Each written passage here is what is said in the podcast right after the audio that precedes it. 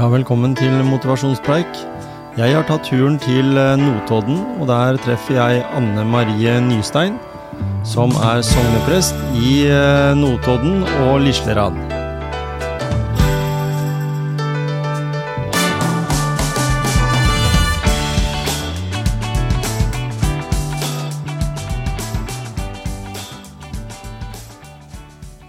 Da er det typisk meg da, å komme og være en litt sånn tidsoptimist, men jeg håper jeg får tilgivelse, for i dag har jeg møtt, uh, møter deg, Anne Marie Nystein. Ja. Mer kanskje kjent for oss uh, som hadde barn, og som hadde deg som allerede fra den tida du var kateket, var det det het? Ja. Anne Tempelen. ja. Ja. Det er riktig, det. Det har gått noen år. Det har gått noen år. Det er- Tida flyr. Ja, ikke sant? Helt utrolig. Ja. Og nå er du her oppe på Notodden. Ja. Er det å, og nå- er du ikke bare kateket lenger, nå er du jo prest, og du er sokneprest òg, eller er det det heter? Ja, ja. Ikke sant? Er sogneprest Sogneprest. Og da har du et liksom litt større ansvar enn uh, over et større, litt større område Ja, akkurat ja. i en menighet. Ja da, jeg har jo og så har jeg lislæra òg. Ja. Så, så jeg er for så vidt sogneprest nå i to menigheter. Ikke sant? Ja. Så, så spennende det virker, da. ja, det er veldig Et, et veldig fint område. Ja, det er veldig, veldig flott område og, og flotte folk og sånt. Og jeg bor veldig fint oppe i Lislæra Ja. med min egen lille stavkirke rett på utsida av døra. Den er jo ikke min, da, men det er eh, Sveinung Flåten som eier gården, som Mm. eier stavkirka der. ja. Norges største, er det ikke det? Nei da, det, det, her, det her er en bitte lita som ligger oppi Islæra. oppi- Oppi en oppe i Heddal, men Men i Heddal har vi jo Der er ja, Norges største. Og der er vi jo stadig og Nå er det jo travelt. Ja. travelt der, for der skal jo alle gifte seg. Så, Ja, det er kanskje sånn. ja, så der er det. Litt Stor spesiell, pågang om dagen, eh, ja. litt spesiell eh, kirke, ja. Mm. Eh, Men åssen er det, da? Å komme til et sånt sted? Du er eh, vokst opp på en mindre plass sjøl? Ja, Eller du er mm, født, i hvert fall? Vokste opp ute i Bamble, vet du. Mhm. Så, ordentlig Bamble-indianer, for Ja. det vi kalte det før. Ja. Ja, ja, ja. Så nei altså, det er eh, Og så bodde jeg jo over 30 år i Porsgrunn. Mhm. Så, så det Men jeg har jo vært oppom Tokko Vinje, da. En tur. Det, Og jobba de første to åra som prest der oppe, før jeg kom hit, da. Mm. når det er det å bli prest, så må en jo reise litt. eh, Men må være med på å kanskje reise litt, fordi det er jo ikke sikkert det er eh, prestegjerning er det det kaller det, eller jobben er akkurat der en helst vil ha den.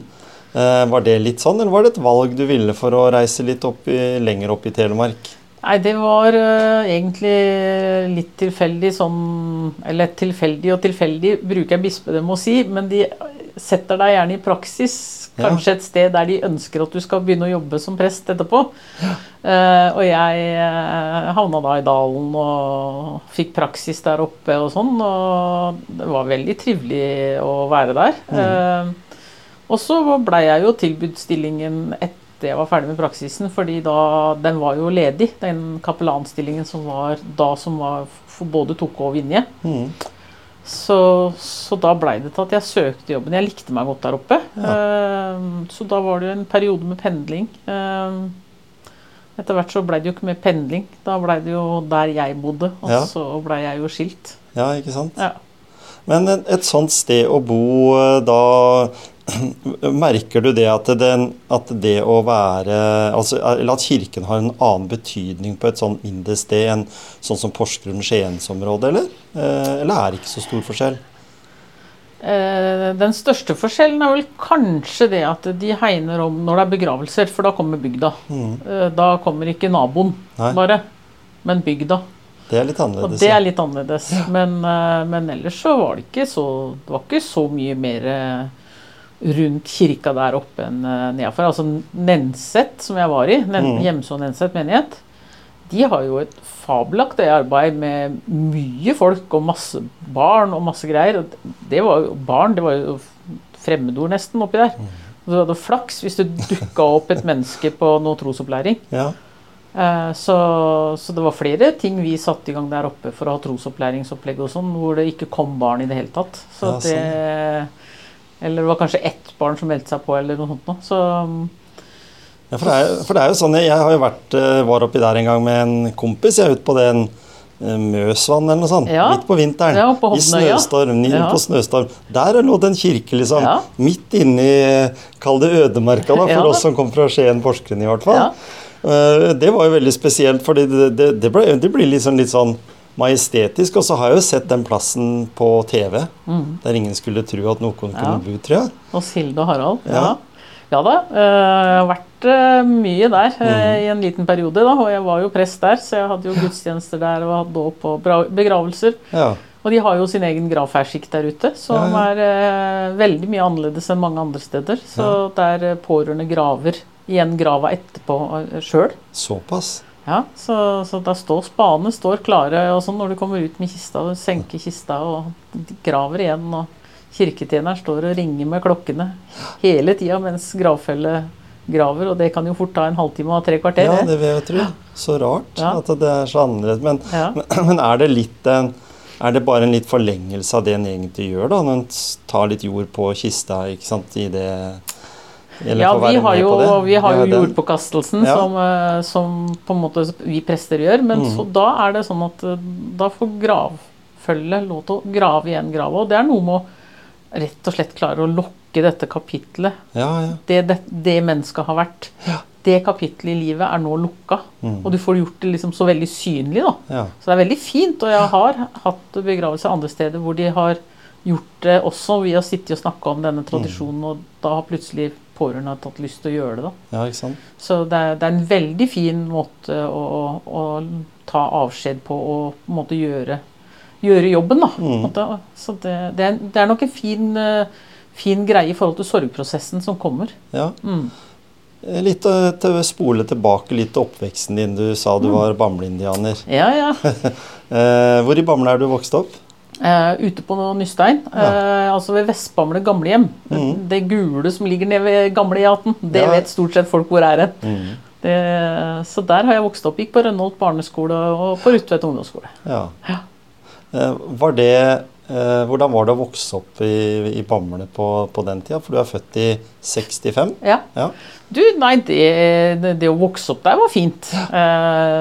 Vi måtte jo gå til skolen og sånn. og 17. mai-toget gikk på E18, og E18 ble stengt, eh, husker jeg, som jentunge. Og eh, jeg dreiv jo med langrenn og orientering og sånn da, etter hvert. Når jeg ble litt eh, sånn, vi begynte å gå på skole og sånt. Så, så det var liksom idretten og sånn da, som var mye greie. Mm. Eh, og så Ja, man var jo vant til å være i skogen, da. Jeg vokste opp i, i skogen, og det husker jeg når jeg kom på Rutvet. så snakka de om å være speider og sånn. Så tenkte jeg hvorfor skal jeg være speider? Jeg trenger jo ikke å gå på en speider for å lære å fyre opp et bål i skauen, liksom. Jeg jeg bor jo i skauen, jeg fyrer jo bål hele tida, liksom. Mm. Så det var Nei, det var litt annerledes. Men det var, det var, en fin, det var fint ute i, å vokse opp ute i skogen og, og ha den tett innpå med dyr og elg som beita i hagen og alle, alle de elementene. Mm, mm. Eh, Men da, når du da er på et sånt sted Bamble er jo en litt sånn spesiell kommune, syns jeg. da, Fordi de har liksom flere sentrum. Mhm. De har uh, Statelle, og de har Langesund og sånn. Og, og sånt noe. Hvilken område Og så har jo liksom Bamble sentrum, der som stemmer, Rugtvedt og, Ja. og rundt E18-området. Mhm. Eh, hvor, hvilket område da, bortsett ifra der som du gikk, eh, føler du at du kanskje kom nærmest til? da, For det, du måtte jo begynne å reise litt lenger til skolen etter hvert. Ja, nei, det var jo, det var jo som sagt Rønholt eh, hvor barneskolen lå. Mm. eh, bort mot Feset der. eh, og så Rutvet eh, ungdomsskole. Men videregående, det var i Kragerø. Ja. For jeg søkte på idrettslinja, og da søkte jeg både i Porsgrunn og i, i Kragerø. Mm. Uh, og siden jeg bodde der jeg bodde, så var det 25 km begge veier. ja.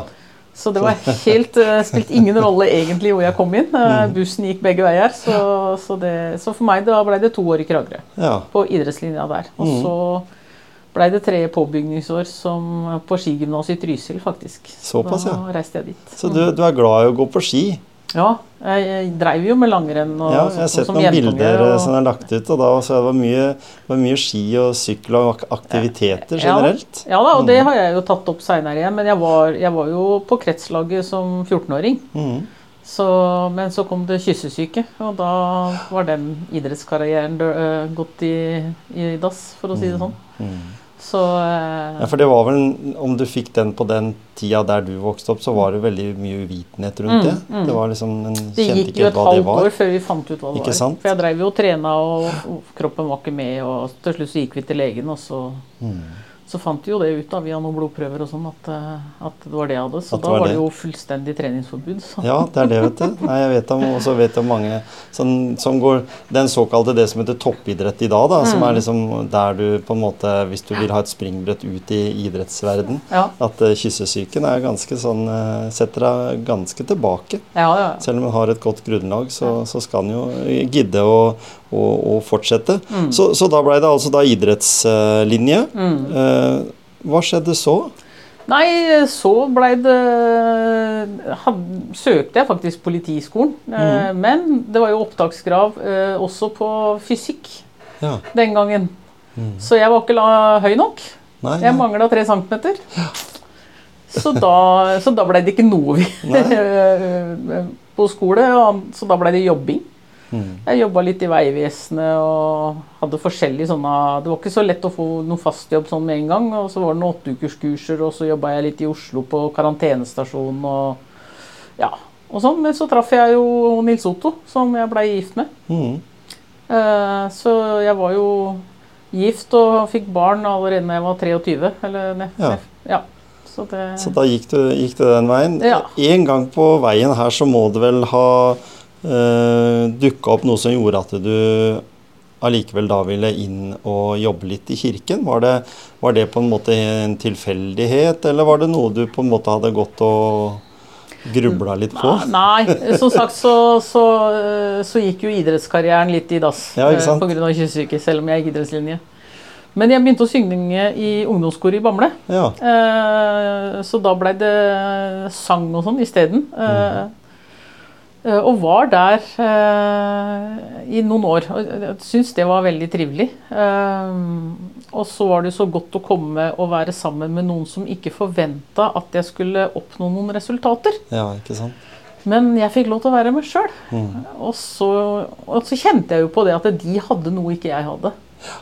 For jeg har ikke vokst opp med foreldre som tok meg i kirka og sånt, så Jesus han hørte jeg om første gang jeg gikk på skolen, liksom. Mm. Så, eh, så det her var liksom et, noe som trigga meg, da. Eh, Ja. Noe som jeg kjente på at eh, Oi, det de har, det vil jeg jo ha. Mm. For, ja, for tenker du det at en del Jeg husker uh, yngstedattera vår, hun begynte i FA-speideren. Mm. Og de hadde også begge to vært i korps, korps da, på Gjemse. Mm. Eh, og jeg eh, hadde jo idrettsbakgrunn, altså spilt fotball og vært i de miljøene der i, i hele min tid. Mm. Og jeg blei veldig overraska over hvor inkluderende det var. Mm. Altså Alle fikk lov å være den, på en måte, den personen de var. Og så blei spesielt i korps, husker jeg, de eldste, eldste de tok vare på de yngste. Det var jo egentlig sånn i speideren òg. Ja. Eh, var det litt sånn du oppdaga? At det, Ja, altså- en var avhengig av at alle var på en måte med, da? Ja, og så var det litt det der at du, du kunne være deg sjøl, og de, det var ikke noen der som spurte om Anno og, og kristelig er du, liksom. Nei, nei, ikke sant. Altså, det, var, det var liksom bare Ja, Øh, til fredag, da er det din tur til andakt. Mm. uh, ok. ja, ja, så du kan bare lese et stykke i Bibelen. Vi er kommet dit og dit. Da. Så du, det, det holder, det, liksom. Du Mhm. trenger ikke å liksom, Ja, nei, så da, ja, så da var det altså De tok det bare som en selvfølge at jeg leste et stykke fra Bibelen eller sa et eller annet. eller noe sånt noe. Mm. Eh, så da, Og så sang vi en sang, husker jeg, som het 'Nesten en kristen'.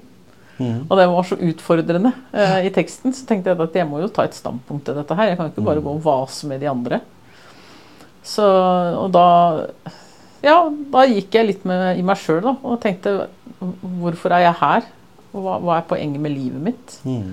Um, hvorfor, hvorfor er jeg i det hele tatt født?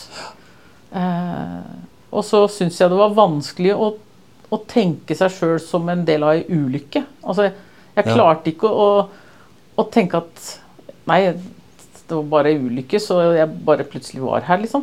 Mm. Eh, samtidig så hadde du jo det behovet for å bli elska. Det der med kjærligheten at du Det der å få lov til å være et resultat av noen som vil deg, og som elsker deg. Eh, noe jeg ikke kjente på så mye hjemme, da. For at der var det alltid sånn Vi er glad i hverandre, men mm. Så det kom alltid et men der. jeg måtte gjøre et eller annet da, for å oppnå den kjærligheten. Og jeg tenkte at jeg vil ha den, som, den kjærligheten som er uten et men. da. Ja. Men som alltid er der uavhengig av hvordan jeg eh, er, og hva jeg gjør. Mm. Eh, og det fikk jeg liksom av de vennene mine da, som begynte å fortelle meg om Jesus, og at de trodde på Jesus og, og sånn. Så var det de som liksom sa at eh, ja, men eh, vi er glad i deg. Altså Det spiller ikke noen rolle om du er god i langrenn, eller om du får til det ene eller det andre. Det er bare du er deg. Mm. Men, når, men når da sier på den måten Jeg er vokst opp i 67. Mm. Jeg også har en foreldregenerasjon min. Den også var jo vokst opp da i, under krigen eller, og Mm. etterkrigsåra. Eh, og jeg også har jo den følelsen av Jeg hadde en mamma som døde veldig tidlig, men faren min som egentlig Ja, har noen gang sagt at han Jeg kan ikke huske at han hadde sagt Nei. at han var glad i meg. Nei. Hvis jeg tenker etter. Ja. Uh, og sånn kan kanskje lettere tilgi den generasjonen, da, fordi det, Mm. de var jo et resultat av en tid som var litt sånn lukka, litt Mm. inne. Selv om, selv om for Skien, som jeg vokste opp på, eller på Gjemse, var var jo en liten plass Mm. i utgangspunktet. Det var jo Skien og, og, og Grenlandsområdet, egentlig. Mm. Tror du det kan, kan være litt lettere å, å tilgi den foreldregenerasjonen vår, fordi Å, de var som de var? Ja, ja, absolutt. Eh, det er det jo. Mm. Eh, de, hadde, de har jo ikke vokst opp med å snakke om følelser i det hele tatt. Så, så for dem så var jo det her veldig rart. Mm. Eh, men, men samtidig så var det noe med at du har eh, Jeg hadde jo to brødre, og, og spesielt han minste. han De sa det jo stadig til han. Mhm. Ja, liksom, det var, det var liksom, du så det på dem at det var annerledes. Ja. Eh, og det gjør jo noe med deg som barn, da. Mm. Eh, nå i voksen alder så er det jo ikke noe en sitter og tenker på i det hele tatt. Eh, det var bare sånn det var når du var liten. Mm. Men allikevel så var det noe du merka at de hadde, da. eh, som du ikke hadde fått med deg eh, hjemmefra. Det der Mm. med at det fins en skaper da, som, som vil deg. Og det, det var en sånn eh, ny aha-opplevelse. Og så- Og så tenker jeg for meg så er det lettere å tro Mm. at det fins en skaper og en kraft bak det, Mm. enn at det skal være resultatet av bare svær ulykke, liksom. Ja. Tilfeldigheter. Ja. Jeg husker sjøl, jeg som sagt vokste opp i Gråten. Jeg hadde, bodde vegg i vegg med Gråten bedehus, Ja. som det het den Ja. gangen. Ja. Og jeg tror nok det at foreldrene mine dytta oss inn der på søndagsskolen fordi de ville ha litt søndagsfred. Mm. Siden det var så kort vei også. Eh, og jeg var jo tidlig i gang med fotball, husker jeg, og sånn, men det var jo litt spennende det der å samle fisker og stjerner i den boka og sånt noe. Ja. Eh, og og, og det, jeg var, var jo faktisk imponert over de personene som på den tida der, det var jo på vinteren, husker jeg, det var bikkjekaldt, og, og vi var jo der type klokka ni om morgenen på en søndag, så tenkte jeg de hadde varma opp, opp bedehuset med vedfyring, husker jeg. Ja, ja. Og så serverte de noe sånn suppe og sånt års, fordi det, vi mente at det, for det var jo litt kaldt å sitte der. og så var det sånn der flanellograf ja. med Jesus og det. Det var liksom vår starten på en sånn digital hverdag, fordi Ja. vi så figurer og, og fikk noen ansikter og noen personer å forholde oss til. Eh, og da var jo vi ganske unge, og etter det så har jeg liksom tenkt at kirken for meg har liksom hatt den betydning at jeg har de ønsker at de skal være der på de viktige begivenhetene, sånn som kom, nei, barndom, konfirmasjon, bryllup og begravelse.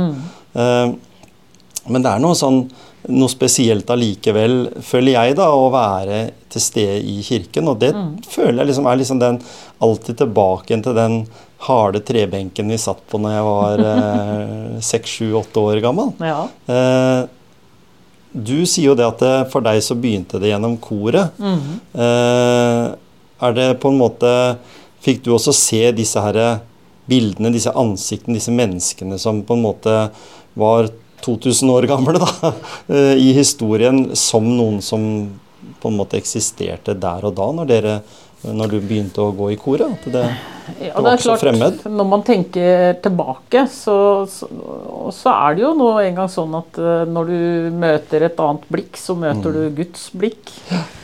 Eh, og det var eh, absolutt den måten de var overfor meg på, som jeg tenker var signalet fra Gud på at sånn ønsker jeg at du skal ha det. Mm. Eh, og nå er det jo også en gang sånn at Gud er avhengig av at vi mennesker faktisk utfører disse tjenestene. Og at, altså vi, det er vi som må være den som viser vei. da. Mm. Det ligger, det legger ganske store ansvar på oss, Ja. selvfølgelig. Eh, men samtidig så er det noe med at eh, vi mennesker har jo også en fri vilje, og vi kan gjøre liksom litt sånn som vi vil. Mm. Eh, og så er det noe mens ting går bra for, og noe går det dårlig for. Og så, og så er det jo bare sånn, sånn det er. Men det betyr ikke at vi mister verdien vår. da. Nei.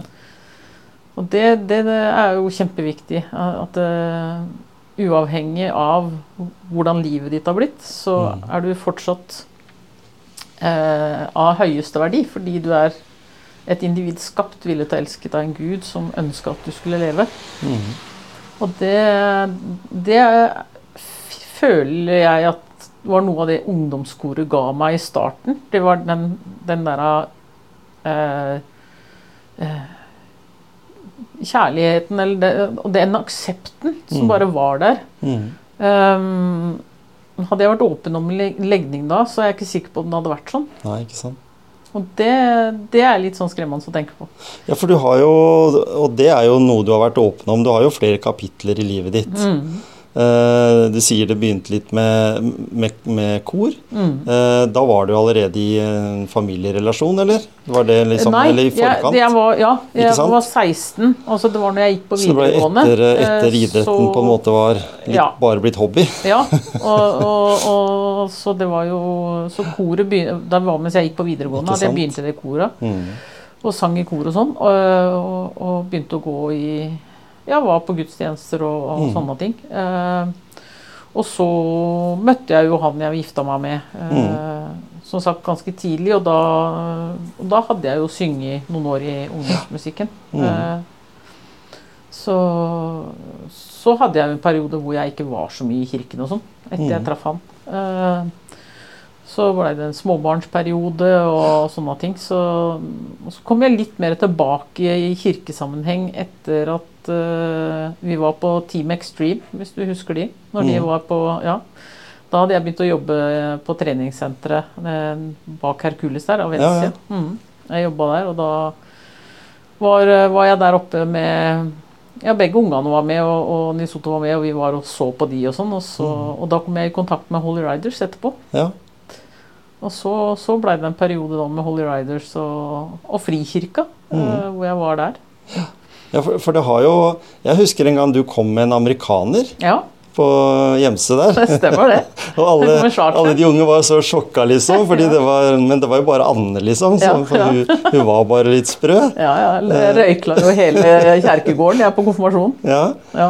Men, så, så du har på en måte en, eh, en ekstra energi og en ekstra glede som du motiverer de andre til å være med. Fordi det er, det er jo den vanskeligste tida å motivere en eh, konfirmant. da, Mm. Når jeg er i den 40-alderen, 14-15 år. Eh, Hva kan Kirken på en måte bidra med i forhold til så unge mennesker Mm. som i hvert fall tenker jeg i dag i 2023 har sinnssykt mange elementer Mm, som mm. de skal på en måte vokse opp med. da. Både digitale, telefon, internett, Mm. skolen som, som på en måte nå prøver å gå tilbake igjen til 60-70-tallet med litt mer analoge verdier. Ja, ja. Eh, og sånn, Men, men hva, hva tenkte du de første gangene du De der første gruppene som du skulle motivere av unge ungdom, da? Når du, når du var kommet til det, det stykket. Du har jo, Ja. du har vært i, i, i kor, og, og du i Frikirken, som du sier. En periode. Og så fikk du en sånn, et kall, eller sånn at dette her, bare dette med å bli med på? Ja. Eller ble det noen som spurte deg at Anne kunne, tenke deg å Nei, egentlig, bidra litt? jobba, egentlig så jobba jeg eh, på Bærbys. Mhm. Eh, og så var jeg litt lei av å steke kjøttkaker, for å si det sånn. Eller Mm. hamburgere og sånn. Eh, det var jeg hadde fin tid der, altså. For all del. Men eh, jeg bruker å si jeg ba Jabes bønn, og det kan jo være utfordrende i seg sjøl. Utvid mine landområder. Eh, så jeg jobba som lærervikar. Mm. For jeg hadde jo artium, og så var jeg på Heistad barneskole eh, og hadde noen vikarperioder der. Og så ble jeg kalt inn til rektor, og så sier han det Anne, du må gå på lærerskolen. Ja. Og, da, og da begynte det å nærme seg at du måtte søke eh, Mhm. på våren. Nei, sier jeg til han. Sånn altvitende pedagog som ikke har greie på en dritt, det gidder jeg ikke, sier jeg. Og så begynner han å le, og så sier han det kan du aldri bli, sa han. For da sønnen vår han har ADHD, så da, Mhm. og da var jo han allerede begynt på skolen. Så vi hadde jo allerede fått noen erfaringer som ja, var litt sånn øh, vanskelig, da. Eh, Ikke fordi vi fikk til det bra, vi etter hvert, men men eh, så tenkte jeg ikke jeg tenkte på det, at kanskje jeg skal gjøre det. Så snakka jeg med Nils Otto, for ingen av oss hadde noe høyskoleutdanning. Og det var jo stort sett vikariatjobbing, og det hadde han òg. Sånn, så sa jeg det kanskje jeg skulle tatt og gått på skole, rett og slett. Eh, søke lærerskolen. Eh, for jeg tenkte jeg kommer ikke inn allikevel, jeg kan bare søke. Det jeg ikke tenkte på, var at jeg hadde jo i bøtter og spann av alderspoeng, for jeg var jo blitt så gammel. så jeg gikk jo rett inn på Så da blei det fireårig lærerskole i, Ja. fra 99, og så var jeg ferdig da våren 2003. Eh, men da gikk jeg rett ut og begynte å jobbe i søndagsskolen. Mm. Fordi at uh, det var ikke så lett å få fast jobb som lærer. Det var, det var masse lærervikar, ettårslærervikariat og sånne ting. Mm. Men fast var det ikke så mye av. Så, men så var det jo fast i, som konsulent i søndagsskolen, så tenkte jeg ja ja, Ja. hvorfor ikke prøve det. Uh, og så ble det ledig vikar, Uh, først vikariat i, som kateket i Nenset. Uh, og da spurte jeg uh, kateketen der ja, åssen er det, Eh, kommer du tilbake? Eh, altså blir det bare et år, eller er dette noe som kan bli fast? Og da sa han at uh, det eneste som gjør hvis jeg, at jeg kommer tilbake, det er hvis ikke jeg tåler pendlinga til Tønsberg. Og det Mm. tror jeg nesten ikke kommer til å skje. Sant? Så det er svært sannsynlig at det blir fast. Og da, så da havna jeg på Nenset, da. ja. Ja. Og, det, og da, i den tida òg, så tok jeg også en master i religionssosiologi på men Menighetsfakultetet. Mm. Så da fikk Så du brukt litt undervisning, og så fikk Mm. du også komme enda litt nærmere Gud, da, eller Jesus. Gjorde det, eller? Ble det Ja, altså han har nå vært med der hele tida, han da. Eh, I perioder så har jeg ikke vært akkurat den store kirkegjengeren, og jeg var jo for så vidt ikke den store kirkegjengeren som kateket heller. Når jeg konfirmantene spurte meg liksom, ja, går du på gudstjeneste, Anne, sier de til meg. Så kikker jeg på dem og sier nei, ikke når jeg ikke er på arbeid. Ja, men hvorfor gjør du ikke det, da? Nei, det er jo dritkjedelig. Syns dere det er gøy, eller? Og så lo de. Nei, nei, det var jo, kunne jo være litt kjedelig, da. Så en kapellan jeg jobba sammen med, han bare skula på meg, da. Jeg skjønte at det var kanskje ikke så lurt å spørre, si det der, men jeg gjorde det allikevel. Mm.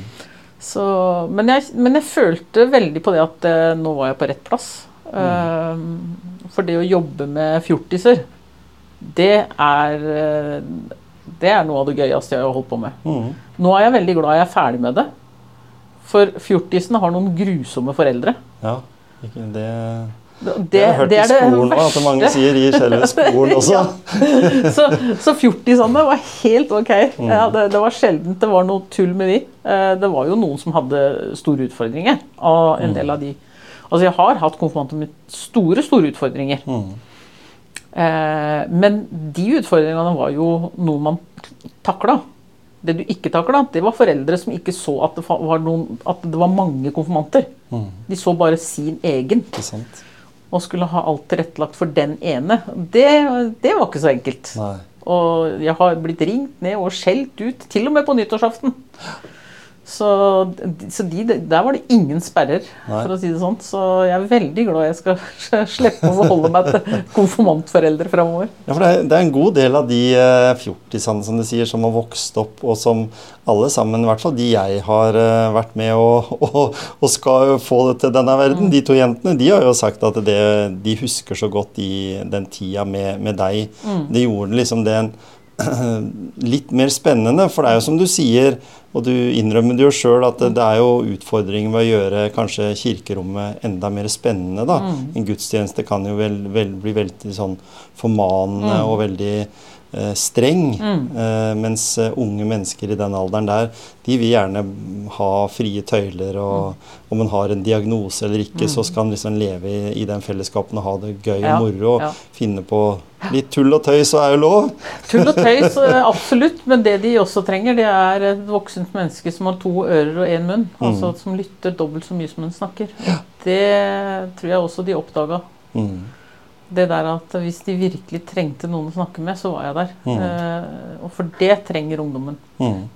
Og det tror jeg mennesker generelt trenger. De trenger noen som, som setter seg ned og lytter. Mm. Og jeg har akkurat nå, i, for ikke så lenge siden, jeg hadde med meg barnebarnet mitt på arbeidsuke. Og lurte Ja. på om hun kunne være med meg på arbeidsuke.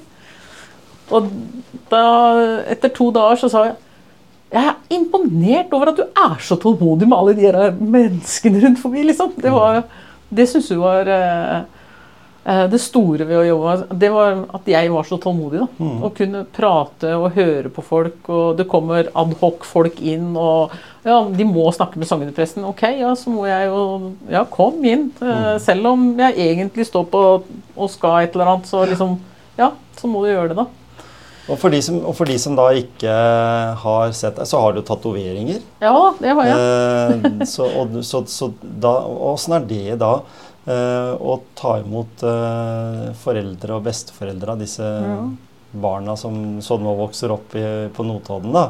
Eller som du Ja. hadde den gangen. Ja. Eh, hvordan var det å bli møtt sånn? Blei det litt fordommer? Eller Nei. Sånn? Nei. For du, var, du, du, du har sagt at eh, til konfirmanten har du sagt at du alltid eh, skulle være At de skulle være ærlige med seg selv. Ja.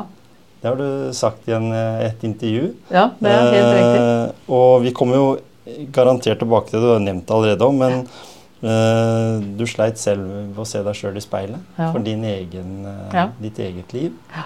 Eh, jeg har lyst til å eh, høre litt om eh, er det, er det oppveksten som satte deg litt i bås, eller, eller var ting litt tidlig ute? For det er klart at eh, vi Mm. kjenner kanskje oss selv veldig lite når vi er i tidlig, altså Mm. slutten av tenåra, begynnelsen av 20-åra. Du begynte jo, som du sier, du fikk jo barn og familie tidlig. Mm. Ja, altså jeg eh, Jeg var veldig klar over sjøl at eh, jeg forelska meg i jenter allerede som tolvåring. For Mm. da, da husker jeg da var jeg veldig forelska i jenter. Vi var på ferie, og broren min var forelska i samme jenta, så det var jo et lite Mm. Så han prata jo til meg om hun der og der, for at hun, og jeg satt der og tenkte på at ja, men eh, ja, det kan ikke jeg si til deg. Men jeg var veldig Jeg var jo like forelska sjøl. Mm. Eh, men du vet, det var jo akkurat i det forbudet mot homofili eh, i Norge var oppheva, ikke sant? Det var jo Jeg var jo født i 65, og det ble jo oppheva i 72, ikke sant? Så, jeg, så det var jo liksom og, og det tar lang tid Mm. før samfunnet begynner å endre en holdning, selv om eh, man fjerner et forbud. Og det Ja, det var, og det var kanskje ikke det letteste å stå fram og si noe om det på Nystein i Bamble heller, Nei. i, på, på 70-tallet. Nei. Jeg var livredd for at folk skulle skjønne det eller vite det. Mm. Så det, det gjemte jeg meg Det, det turte jeg ikke å si. Og jeg blei konfrontert faktisk med noen som Ei som spurte meg en gang, og jeg sa nei, nei, nei, nei, nei, nei. jeg skal gifte meg med en mann, og jeg skal ha barn. Og nei, det er ikke sånn. Mm. Og ja, var veldig redd for at folk skulle oppdage det, egentlig. Ikke sant? det, og det har vært eh, eh, vanskelig, rett og slett. Eh, absolutt. Eh, og det Samtidig så, så har eh, Når jeg tok det valget jeg gjorde, og gifte meg med Nisotto, og vi fikk barn og sånt, så har det Mm. vært fint. Mm. Og han, så han er ikke noe skyld i det her, her i det hele tatt. Han har jo måttet leve med en uvitenhet, og fikk jo ikke Mm. vite det før eh, jeg da trakk meg ut av ekteskapet etter 33 år. Ikke sant? Så, eh, så jeg tror vi har hatt et veldig normalt uh, ekteskap. Mm. Hvor det går litt opp og ned, og det er litt krangling, og så er vi venner, og så ja, alt sånt noe. Sånn helt normalt. Ja. Sånn som det skal være. Sånn som det skal være. Ja. Men, men, men har det på en måte når, når vi har kommet så langt som til at du Hvis du sier det, kommet av skapet, da. Mm. Hvis du sier sånn, i hvert Ja, fall ja. utad i, i samfunnet. Eh, hvordan eh, reagerte barna dine på det? Fordi jeg vil tippe at de Var, var, du så flink til å kamuflere at de var uvitende, eller, eller, sa de bare at 'mamma, det visste vi'? Ja, Nei da, det så de ikke. Ikke sant? Nei. de blei litt like sånn overraska? Ja, de ble, eller overraska. De blei i hvert fall Ja, litt overraska blei de jo. Ja, ikke sant? Uh, og Nisoto ble nok kanskje ikke så overraska. Han sa det at det har jeg kanskje hatt en mistanke om. Mm. Men uh, uh, ellers så Guttungen han sa ja vel, ja da er det vel sånn, da. Mm. Og, så, og dattera mi var litt mer usikker, men så når jeg fortalte det til henne, så var hun på vei for å hente Natalie, eldste barnebarnet mitt, eh, på skolen. Eh, så hun hopper inn i bilen, og så sier, sier Line Camilla til det eh, 'Mommo har noe om å fortelle deg'. så da måtte jeg jo si det til henne, da. Mm. Og, sånn, og, og, nå er det noe de ikke er, er så ukjent med, for onkelen deres er eh, homofil og bor sammen Ja, ja. med mann. Så, så det er noe de er vant til. Men, Mm. eh, så jeg sa det til henne og sa ja, sånn er det bare. Ja, jeg er stolt av deg, ja, Momo. Ja. Det var eneste som kom for henne. Ja, det er godt ungene tar det så fint, sier Mm. lille Camilla. Ja, ikke sant? Så Niklas måtte vi forklare det litt mer til, da, hva det var, og sånn. Og så, ja vel.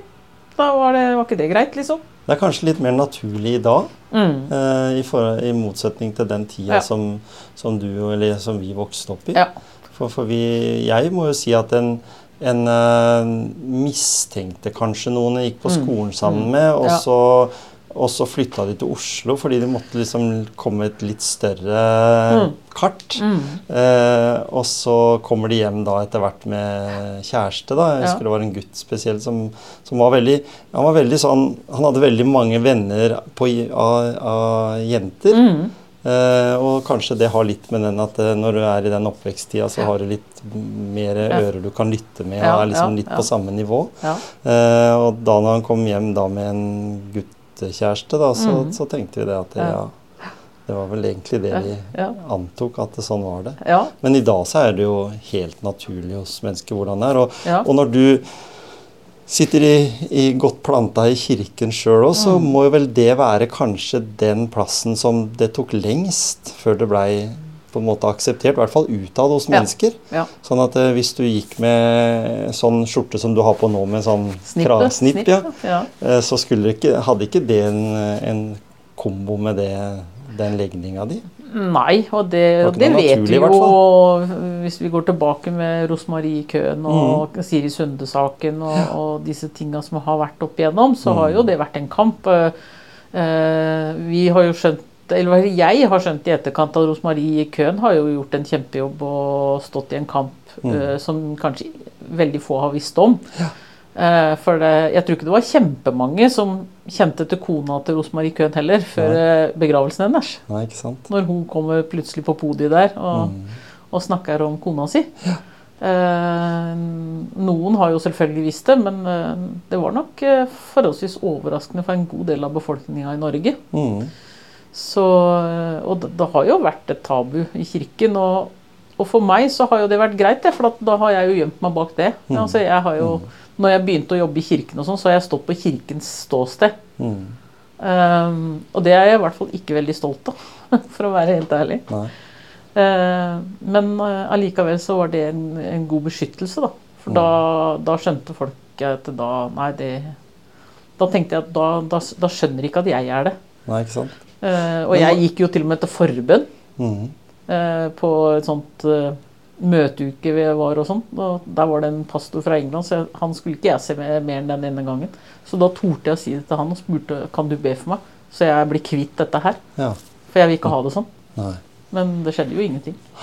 Men, men når du da Jeg tenker sånn at hvis jeg hadde vært deg, for å tenke meg Mm. sånn eh, Gikk du med en sånn klump i magen, eller en sånn Mm. Ting som på en måte du Du kamuflerte noe, som du sier, gjennom at kirken aksepterte det ikke så, Mm. og, og da måtte du kanskje gå med på Du, du, du ville ikke gå den kampen akkurat der og da. Eh, men når det da kom fram liksom, at nå må jeg nødt til å gjøre noe med det, Mm. eh, var det en, en stor befrielse? Det vil jeg tro. Mm.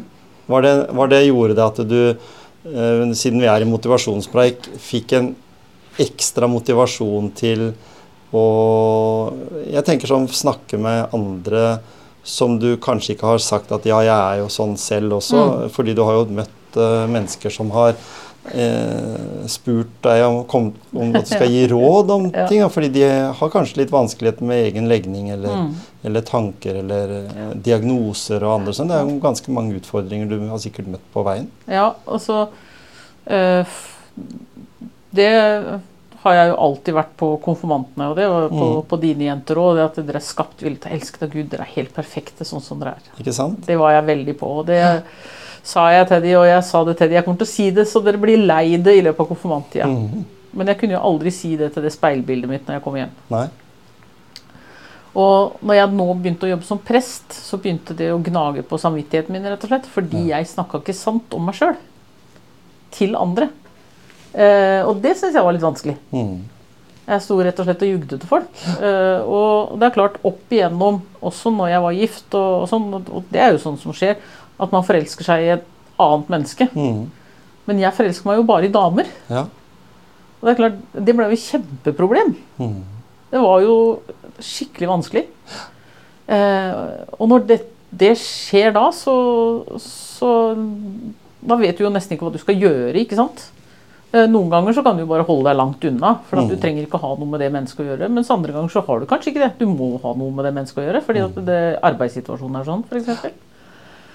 Så Og det eh, Det var jo litt vanskelig. Mhm. Det der av å å ikke kunne være ærlig 100% med seg sjøl. Mm. Eh, det, så det blei vanskelig, rett og slett. Når jeg begynte å jobbe som prest, så ble det enda verre. Mm. Jeg tenkte jeg kan ikke leve usant med livet mitt. Jeg, jeg må leve sant. Mm. For det Jeg skal Det er vel kanskje en av de viktigste tinga jeg som prest gjør overfor andre. Det er å vise at jeg lever sant med mitt liv. Mm. Ja, jeg er på puben og tar meg en øl. Elsker konjakk. Koser meg med et glass rødvin. Og jeg er lesbisk, og jeg må bare være Altså, sånn er livet mitt. Mm. Og jeg syns at Jesus er et supert forbilde, i tillegg til at han er herre i livet. På en Mhm. måte så er han et kjempegodt forbilde. Um, og det har jeg også lyst til å fortelle. Det, men jeg kan ikke stå og fortelle om en gud eller snakke om en gud hvis ikke er 100% ærlig med mitt Nei, eget liv. Da får du bryte et av buda Ja. gjennom å Du skal ikke lyve. Yes. Og det har jeg gjort i altfor mange år. Mhm.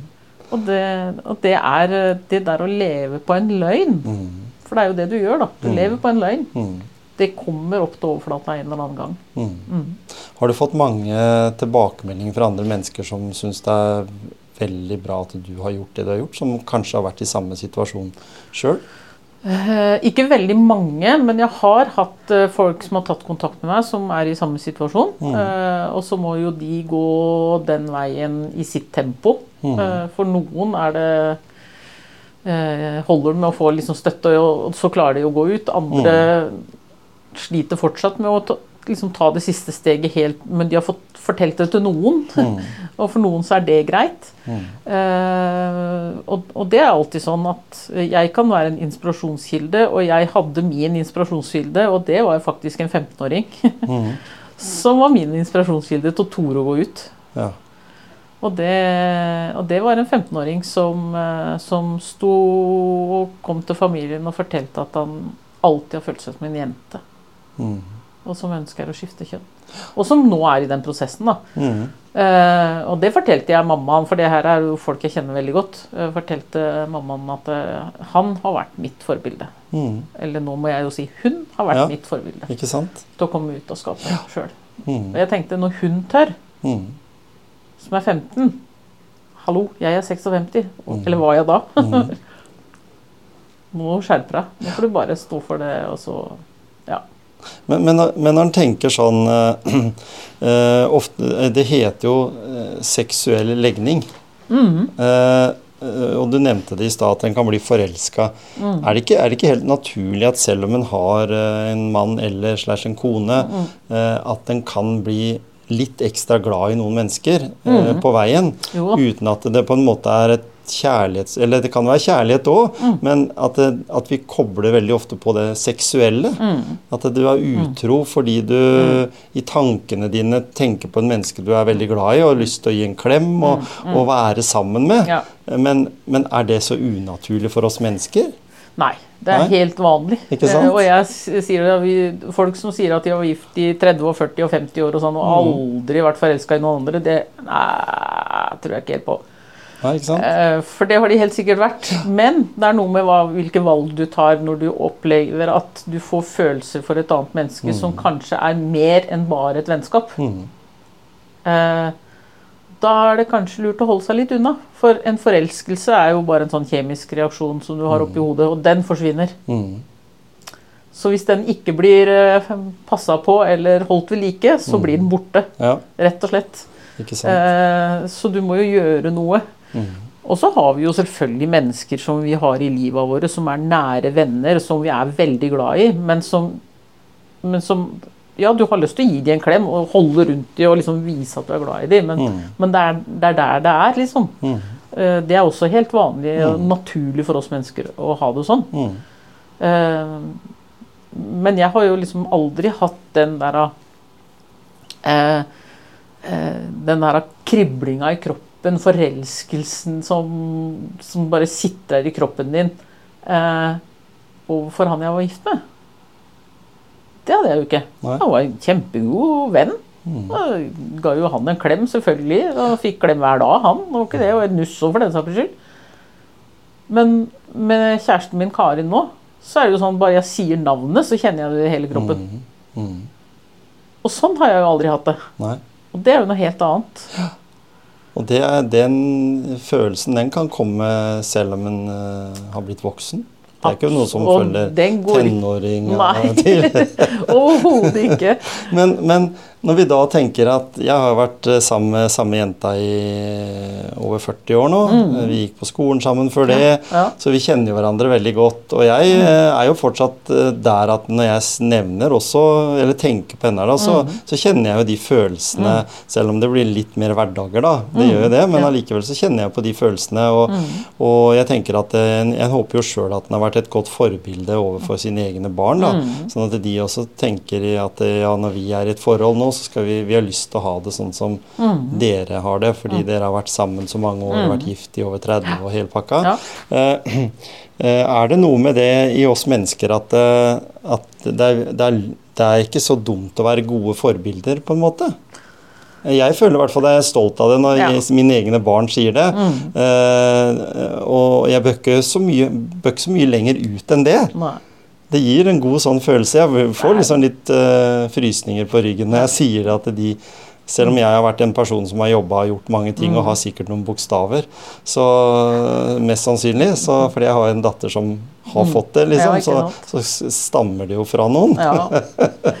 Jeg har Ja ikke spurt deg om det, men er, det er ikke så viktig for meg. Uh, så lenge jeg kan bidra med den energien og den livsgleden jeg har. ja. Uh, så er det sånn at eh, i dag så, så nevnte du på det her med foreldre, Mm. eh, som kan være vanskelig å, å ha med å gjøre. Mm. Eh, er det en sånn Da kan jeg jo spørre deg, da, fordi du er jo en sånn nå er det jo prest og sogn, sogneprest, og på en måte da, da går det an å stille deg sånne spørsmål, da. Ja. Er det, eh, holdt jeg på å si, et eh, ja, Om ikke problem, så tenke på med foreldrene, er det litt i forhold til at de eh, gjør det egentlig i beste mening, men de Mm. bare vet ikke at de burde latt være? det var kanskje et tomt spørsmål, Ja, men, nei, eh, men, men absolutt. Eh, altså, det er jo som vi sier, at det er jo Vi kaller det jo gjerne sånn curlingforeldre og sånn. Eh, eh, så de gjør det jo for det De ønsker det beste for sitt eget barn. Mm. Men så glemmer de at det barnet er en del av 30 andre. Ja, Så vi kan ikke, vi kan ikke gjøre det for fordi at vi har 30 andre som også ønsker at det skal gjøres sånn. Og, og da går det ikke, rett og slett. Det får vi ikke til. Eh, så det går mer på det at eh, de Det har, har jo ingenting med å være dårlig foreldre å gjøre. Eh, det er eh, heller med det at du, du ikke ser andre Mm. og andres barn, men du ser ditt, og så er du veldig til å hegne om Mm. det som er ditt. Eh, og det er jo en god egenskap, det, altså. Det er, det er ikke det, men det er av og til så kan det være lurt da, å lytte når vi, man gir en tilbakemelding om at du, vi har 30 andre også å ta hensyn til. Sånn at vi kan ikke legge det til rette på den måten for ditt barn, for det, det går ikke. Mens andre skal jo ha tilrettelegging. Mm. Og det, Ja, den faktoren der kommer jo fram i skolen også, for jeg har Ja. snakka med lærere som sier at eh, de har den samme problemstillinga der. Ja, ja, Får. Mm. telefoner om det er eh, så en søndag formiddag eller. Mm. på julaften eller når det måtte være, liksom. Ja. Så det og, og, og mange, Jeg har jo støtta masse foreldre opp gjennom åra når jeg var på Nenset, med det å være en drittsekk. Altså det å være en drittsekk overfor ungene, da. For det er da du får høre. Og du er så teit, du er en drittsekk. Skulle ønske du ikke var mora mi og sånn. Du får jo, og da har jeg sagt yes, stå på. Ikke gi deg på den. Eh, vær voksen. Eh, husk på at det er du som er sjefen i huset. Det er faktisk ikke fjortisen din. Eh, Så jeg har jo støtta en del foreldre som har kommet fortvila, og hva gjør vi nå, og den flyr sånn, og det skjer sånn og sånn, og, og sånn, og da har jeg bare stå, stå på ditt. Mm. Hvor mye, hvor mye Anne er det i den personen som skal motivere da, disse, disse kirkegjengerne våre? Eh, eller hvor mye er det Guds ord som på en måte har skapt deg til den du er i dag? da? Og jeg håper at det er ganske mye begge deler. Mm. Eh, absolutt. Eh, det er klart mye med bibelfortellingene som jeg, eh, blir veldig inspirert av. Mm. Eh, måten Jesus møter andre mennesker på, som jeg også strekker meg etter å få til. Mm. og som jeg ikke alltid får til, og det, sånn er det. Eh, men, eh, men jeg ønsker jo å møte andre mennesker med et åpent og inkluderende sinn. Og, Mm. Eh, jeg har en bror, han er ikke noen sånn som springer så mye i kirka, men han sier at i kirka skal ikke bare være åpen, men den skal være raus. Mm. Og det er jeg veldig enig i. Mm. Altså, for hvis ikke, Kirken kan godt stå og si at ja, men vi er åpen for Mm. alle. Hvis ikke du er raus, så hjelper det ikke å være åpen. Nei, ikke sant. Og det er jo litt sånn eh, Kirken har fått et litt sånn feil stempel, kanskje, i, i mange år. Mm. Eller mange hundre år. Fordi den skulle på en måte trykke folk inn i, Mm. inn i det, den troen, da. Og nå var vel kanskje Jesus en litt sånn eh, kontroversiell person. Han var ikke helt sånn tidsriktig i Mm. Forhold til da han, han vokste opp, egentlig. Fordi det var jo helt motsatt av hva som var i den tida, med, med baksnakkelser, Mm. det var krig, det var krangler, det var eh, mye om, om land, land og, og penger eller verdier. Mm, Eh, og vi er jo litt i den samme situasjonen i dag. Ja. Det er liksom over 2000 år seinere, så Ja. er vi fortsatt i den situasjonen. Men vi er mange, det er mange flere eh, personer som kan forsøke å påvirke det. Men tror du verden hadde vært moden for en Jesus nå? uh, det vet jeg ikke. Nei. Eh, du vet, vi som bor i Vesten og i Norge, som har født ikke bare, ikke bare en gullskje i, eh, i kjeften, vet du, vi har den både her og der. Eh, vi trenger ikke Gud, vi, vet du. For vi Ja. har jo alt det vi har. trenger. Vi, altså, hva skal vi ha Gud til? Nei. Og, og det er det også mange som, eh, som sliter med. Liksom. Hvorfor skal jeg tro? Mm. Eh, hva er poenget? Og det tenker jeg at Gud er ikke noe sånn quick fix i livet. Eh, om Jesus hadde kommet nå, så hadde han fortsatt ikke vært noe quick fix, i livet, men Nei. han hadde nok satt skapet på plass på en del ting i samfunnet som, som kanskje ikke fungerer på en sånn måte som det burde gjort. Da. Mm. Altså, Norge har x antall milliarder kroner på bok. Mm. Fortsatt. Tusen milliarder, tror jeg. Ja, ja, et eller annet. Det er noe helt sykt. Det er i hvert fall så store summer at det, Ja. det er vanskelig for folk å forstå. Og Mm. det skulle være helt unødvendig å ha kø i helsevesenet, og at gamle mennesker på 100 og var det to år, eller hva jeg så i avisa nå, ikke får sykehjemsplass med å, ha, å sitte hjemme med brudd i ryggen. Altså, Mm. der tror jeg nok Jesus hadde satt ned foten ganske kjapt og sagt at sånn kan det ikke være. Tror du han han hadde vært så temperamentsfull som han var i, der i, i kirken, holdt jeg på å si, eller der han sparka ned border og myntene, Ja, ja, ja. som det står beskrevet i, i Bibelen. Den kunne Ja. vært ganske så mer brutal, den situasjonen, enn det de får framstilt i en, Ja. en sånn kort tekst. da. Men, men fordi når, vi, når du snakker om det der med vår øh, evne til å hjelpe andre òg, Mm. at vi kanskje kunne vært litt sånn som du sier om kirken, den kunne vært litt mer raus. Mm. Møter du det i kirken i dag når dere snakker sammen andre, andre prester og, og, og i, i det miljøet du er i nå? At det, en syns det er eh, trist at, det vi, at noen må stå i matkø i Norge, liksom. Mm, mm. Ja da. At vi, men at vi hjelper jo, men at vi kunne bidratt kanskje enda mer til å få slutt på krig og sult og sånn ute i, ute i verden. Ja, for altså alle disse tinga, da. eh, Så er jo det er også ting som folk sier at men jeg kan ikke tro på Gud, siden han tillater at sånne ting skjer. Mm. Um, Gud har ikke tillatt at sånne ting skjer. Uh, det er menneskets frie vilje. Det er, eh, Mm. altså Putin har bestemt det sjøl. Ja. Det er ikke Gud som har bestemt at Putin skal starte krig. Nei?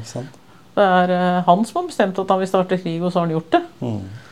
Eh, og det, det er jo ikke så mye en kan få gjort så mye med, annet enn å si fra at dette er ikke akseptabelt. Men, men verdenssituasjonen er jo vanskelig å gjøre noe med annet enn sånn som de jobber. Jeg syns jo for så vidt eh, Nato og alle disse sjefene vi har rundt om i denne verden, prøver å gjøre så godt de kan, da. Mm.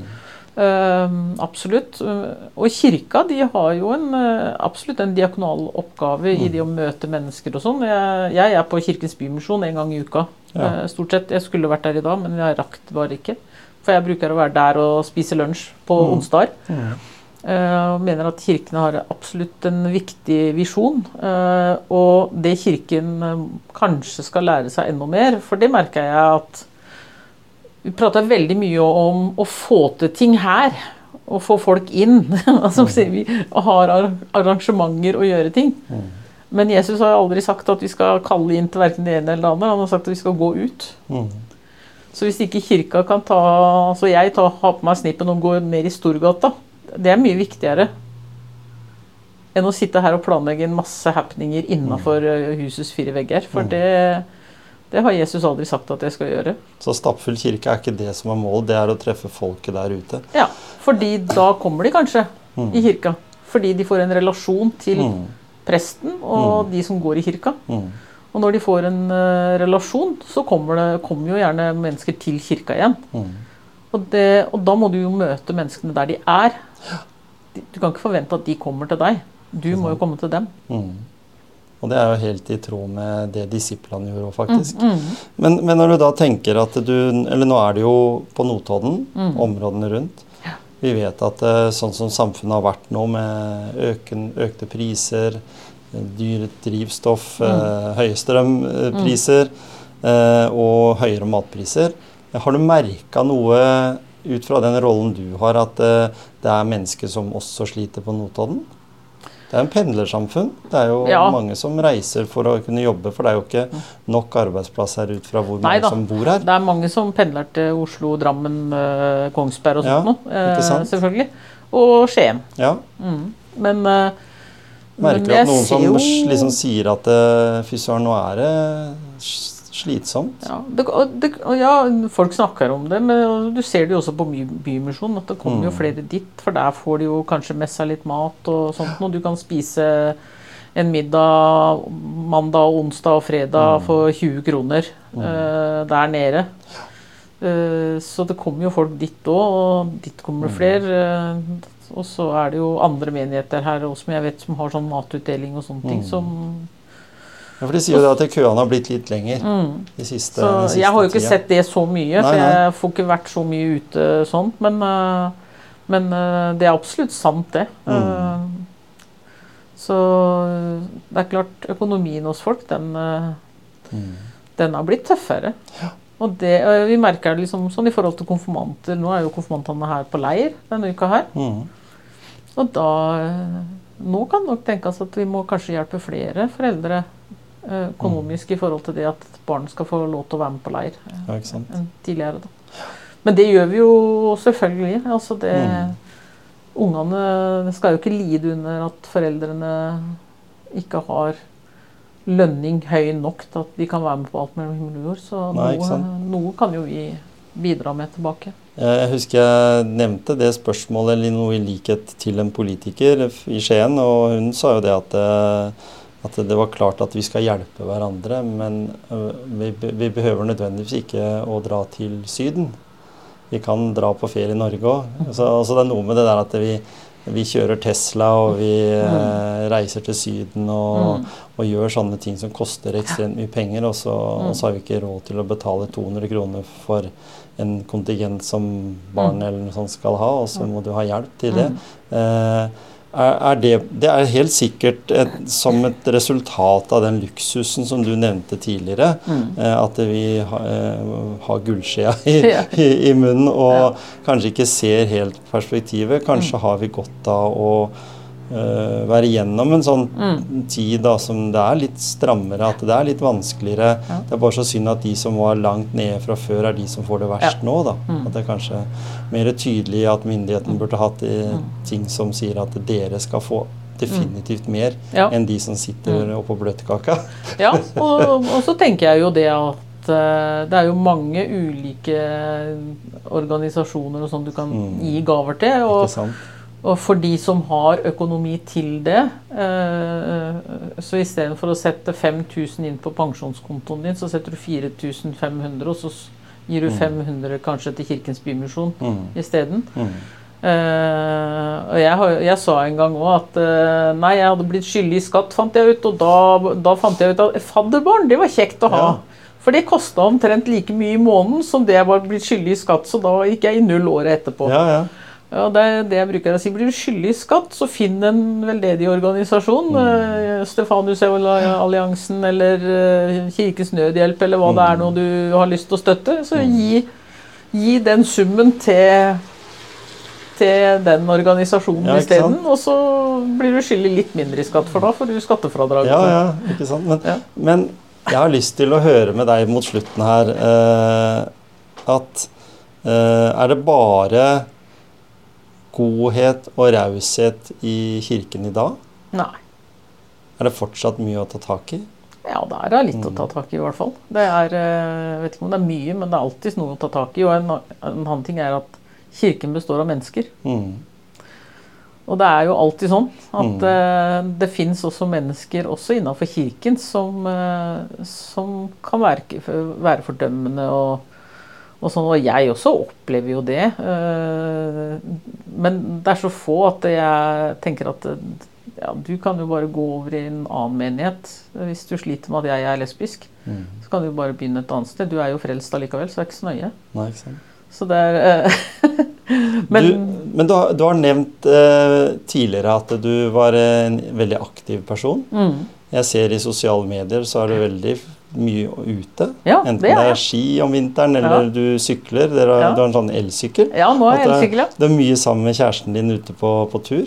Til alltid fra Hva de kaller det? Det er sånn glamping eller eh, ligger i hengekøye eller Ja, Nei, det har vi ikke gjort ennå, men, men det håper vi på. Men sånne, Ja, men, gjør, hva, snakket gjør i hvert fall sånne Ja, ja. uteaktiviteter. Ja, vi liker veldig, veldig godt å ta vår sykkeltur her. Mm. Eh, og hun bor i Drammen, så, så vi har sykler ofte ut derfra. eh, Mm. Fra Ålsiden. Og det er, det er jo så mye eh, Mm. flotte områder opp eh, i Finnemarka og opp i Lier og ja, rundt forbi. Så, så vi er eh, veldig mye ute og sykler. Jo. Og hva, hva har det gjort med, med deg eh, når vi har fått såpass bra sånn type elsykler og sånn? For jeg har jo snakka med andre som sier at det, noe av det beste treningsredskapet jeg kan ha, det er den elsykkelen. Fordi Mm. nå gjør jeg ting eh, Jeg kan ta lengre turer. Jeg Mm. kan eh, ut i marka der jeg ikke kunne hatt sykla før. ikke sant? Det er så mange sånne ting. Hva, hva har det gjort med dere som, som, sånn, eh, som aktivitet? For jeg skjønner jo det at den, dere har dere hver deres samme sykkel. Ja, sånn- vi har i hvert fall eller elsykkel begge to. Ja. Så dere har Mm. blitt veldig glad i den, eh, Mm. det framkomstmiddelet? Ja. Mm. Jeg kjøpte jo først uh, elsykkel etter jeg ble kjent med Karin. Ja. Uh, Men jeg har jo drevet med sykling før. Mm. Jeg har jo sykla Lillehammer-Oslo og Ja, Kirken og Vasan og sånne ting. Mm. På sånn annen sykkel, Ja. sånn uten elmotor. Ja, ikke sant? Eh, Men så har jeg da etter hvert måttet bytte begge, både begge eh, hofter og et kne og, og litt sånn. Og, og det er klart, da har du ikke fått til den samme type trening og kommet ikke godt i gang igjen etterpå og sånn. Og da, da har jo elsykkelen vært eh, gull verdt. Fordi nå kommer jeg meg jo ut på lange turer. Nå er det helt greit å sykle en fire-femmilstur, sånn som, som Karin og jeg fort kan gjøre en lørdag eller noe sånt nå. Ja. Eller jeg har fri en søndag og sånt noe. Og så smører vi med niste og sykler gjerne til et vann eller noe sånt. Og, og stopper og spiser lunsj og sykler videre og ja. Så det, det er kjempedeilig. Og vi har også med oss syklene. Vi syns det er fint å være i Sverige på ferie. Mm. Så da hiver vi syklene bakpå og tar de med. Ja. Og kan vi reise på sykkeltur her også ja, i Sverige og sånn. Så det Hvor er favorittsted i Sverige, da? For, Nei, nå har vi eh, Både Ørebro og Karlstad er jo fine steder Ja. Å, å sykle eh, og sånt, så der har vi jo vært. Så um, nå har ikke vi vært sammen så lenge. Vi har vært ja, halvannet år. Mm. Så nå skal vi ha litt norgesferie, og så, og så har vi også en tur til Spania til høsten. men syklene er med. Eh, når de kan. Ikke, ikke, til, ikke når vi skal nå til Ålesund og sånn. Da blir det mer fotturer. Ja. Så ned til Runde og gå på fottur Ja, der. Og, så, så nå skal vi, men så de to siste ukene jeg har ferie, så blir vi jo i Drammen, og da Mm. blir det mye sykling. Ja. Ja, for jeg har snakka med andre som har samme arbeidsoppgaven som deg, og de sier jo det at de, at de uh, har litt fri òg. Mhm. Det er jo litt, litt andre Det er ikke 24-7 som, som prest, sånn som det virker som det var før. Nei. Du er, jeg har det sikkert sånn i hodet ditt som Ja. jobb, men, Mm. men den har noe som heter avspasering, skjønte jeg. Ja da. det hender. Som en for få hender, jobber på gunstige dager Ja. også. Ja da, og så har gjøre. vi Altså, vi har jo arbeidsmiljøloven som også regulerer Eller skal regulere oss også. Mm. Men det er klart, eh, veldig mange mennesker man er i kontakt med, de er ikke klar over at presten har arbeidstid. Nei, det er det jeg så, så de blir jo litt sjokkert når jeg ikke gidder å ta telefonen eller sier 'nei, jeg hadde fri'. Skjønner du? 'Å, hadde, å, hadde du fri', ja? Mm. Ja, så Så nei da, altså selv om jeg har sånn fri og uavhengig stilling, så, så er det sånn at jeg Så jeg må jo planlegge litt, så jeg må legge inn fri og sånt. for ellers så kan du fort gå på en smell. Så det Og jeg forstår jo at prestene tilbake til gikk på en smell. Ja, du, for de visste jo ikke når tid de var på jobb, eller når, om de var Nei. i menigheten på, fri, på fritid og sånne ting. Så jeg er veldig bestemt på det at jeg har eh, Alt jeg gjør eh, i menigheten, det er jobben min. Mm. Og hvis jeg skal ha en uh, ulønna tjeneste ved siden av, eller frivillig tjeneste, så må det bli innafor en annen organisasjon. Så Mm. det, det blir vel kanskje sikkert litt eh, på ski oppe med Lislæra Ja, idrettslaget, eller et eller annet sånt noe til, til vinteren eller Det er noe. så Men, å fine løyper rundt der. ja da. Så, så, da, så jeg kommer til å gjøre det, jeg gjør det sånn, at, Mm. for da har jeg tydelig skille. Så jeg er ikke engasjert. Jeg har jo sagt det noen ganger, at når jeg har fri, så vanker jeg ikke mye kristelige folk. Nei. Det, er sånn jeg gjør på arbeid, i arbeidstida. Men, men hva, hva gjør Anne når hun uh, lader? Det er et sånn veldig vanlig begrep å bruke, da. Når Anne lader, da, da er hun sammen med Karin og, og absolutt gjerne på en lang sykkeltur eller foran TV-en med en god film, eller, eller vi er ute og spiser god mat. Ja. Det, da... er, du, er, du, er du sånn som må langtidslade, eller er, er du faktisk sånn at du kan korttidslade en del ganger også? Jeg kan godt eh, korttidslade. Ja. altså sånn eh, bare den ene fra den ene dagen til den andre. Mm. si, det, eh, eller ofte så har jo jeg jobb på søndag, sånn at Mm, jeg reiser kanskje til Karin på fredag etter jobb, og så og hit igjen på, tå- på søndag da på jobb. Mm. Og noen ganger kjører jeg da tilbake til Karin i Drammen, Mm. Uh, og så er jeg der også på mandag, og så på jobb igjen på tirsdag.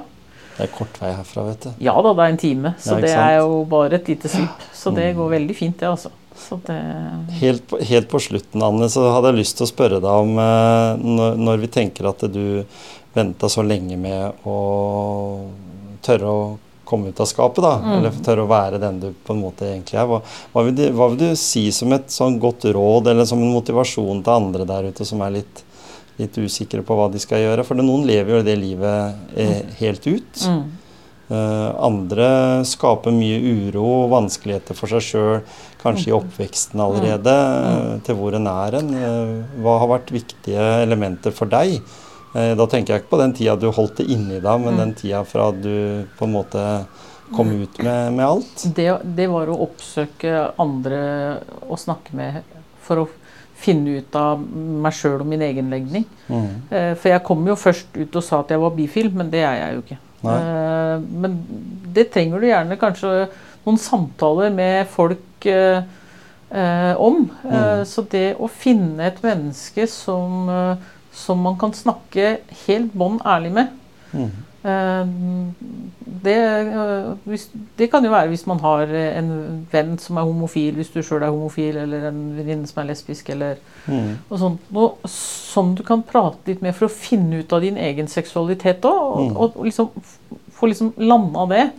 Eh, det er veldig fint. Og jeg hadde jo noen venner som jeg blei kjent med, og som jeg prata med eh, til å begynne med. Og så når jeg møtte Karin eh, ganske kjapt også etterpå, så Hun har jo hjulpet meg mye. Eh, Mm. Hun har jo sjøl eh, vært åpen om det i over 30 år. Ja. Sånn at Så hun liksom sa hvem er, Hallo, har ikke folk sett det på deg, liksom? Hvorfor er det ingen som har sagt det? Og kikka på noen bilder av meg fra konfirmasjonen til guttungen, blant annet, i Frikirka. og Hvem er, hvem er som hvorfor har de ikke fortalt deg det? altså, det, det syns lang vei. Eh, og ingen har sagt noe. Så, men det å finne et menneske som du kan være Mm. fortrolig med, Mm. det kan være presten. Eh, Noen prester er jo fine å prate med. Mm. Men det behøver ikke å være det. Nei. Det kan være et annet menneske du er trygg på, og som, og som kanskje har den legninga du mistenker at du sjøl har. Mm.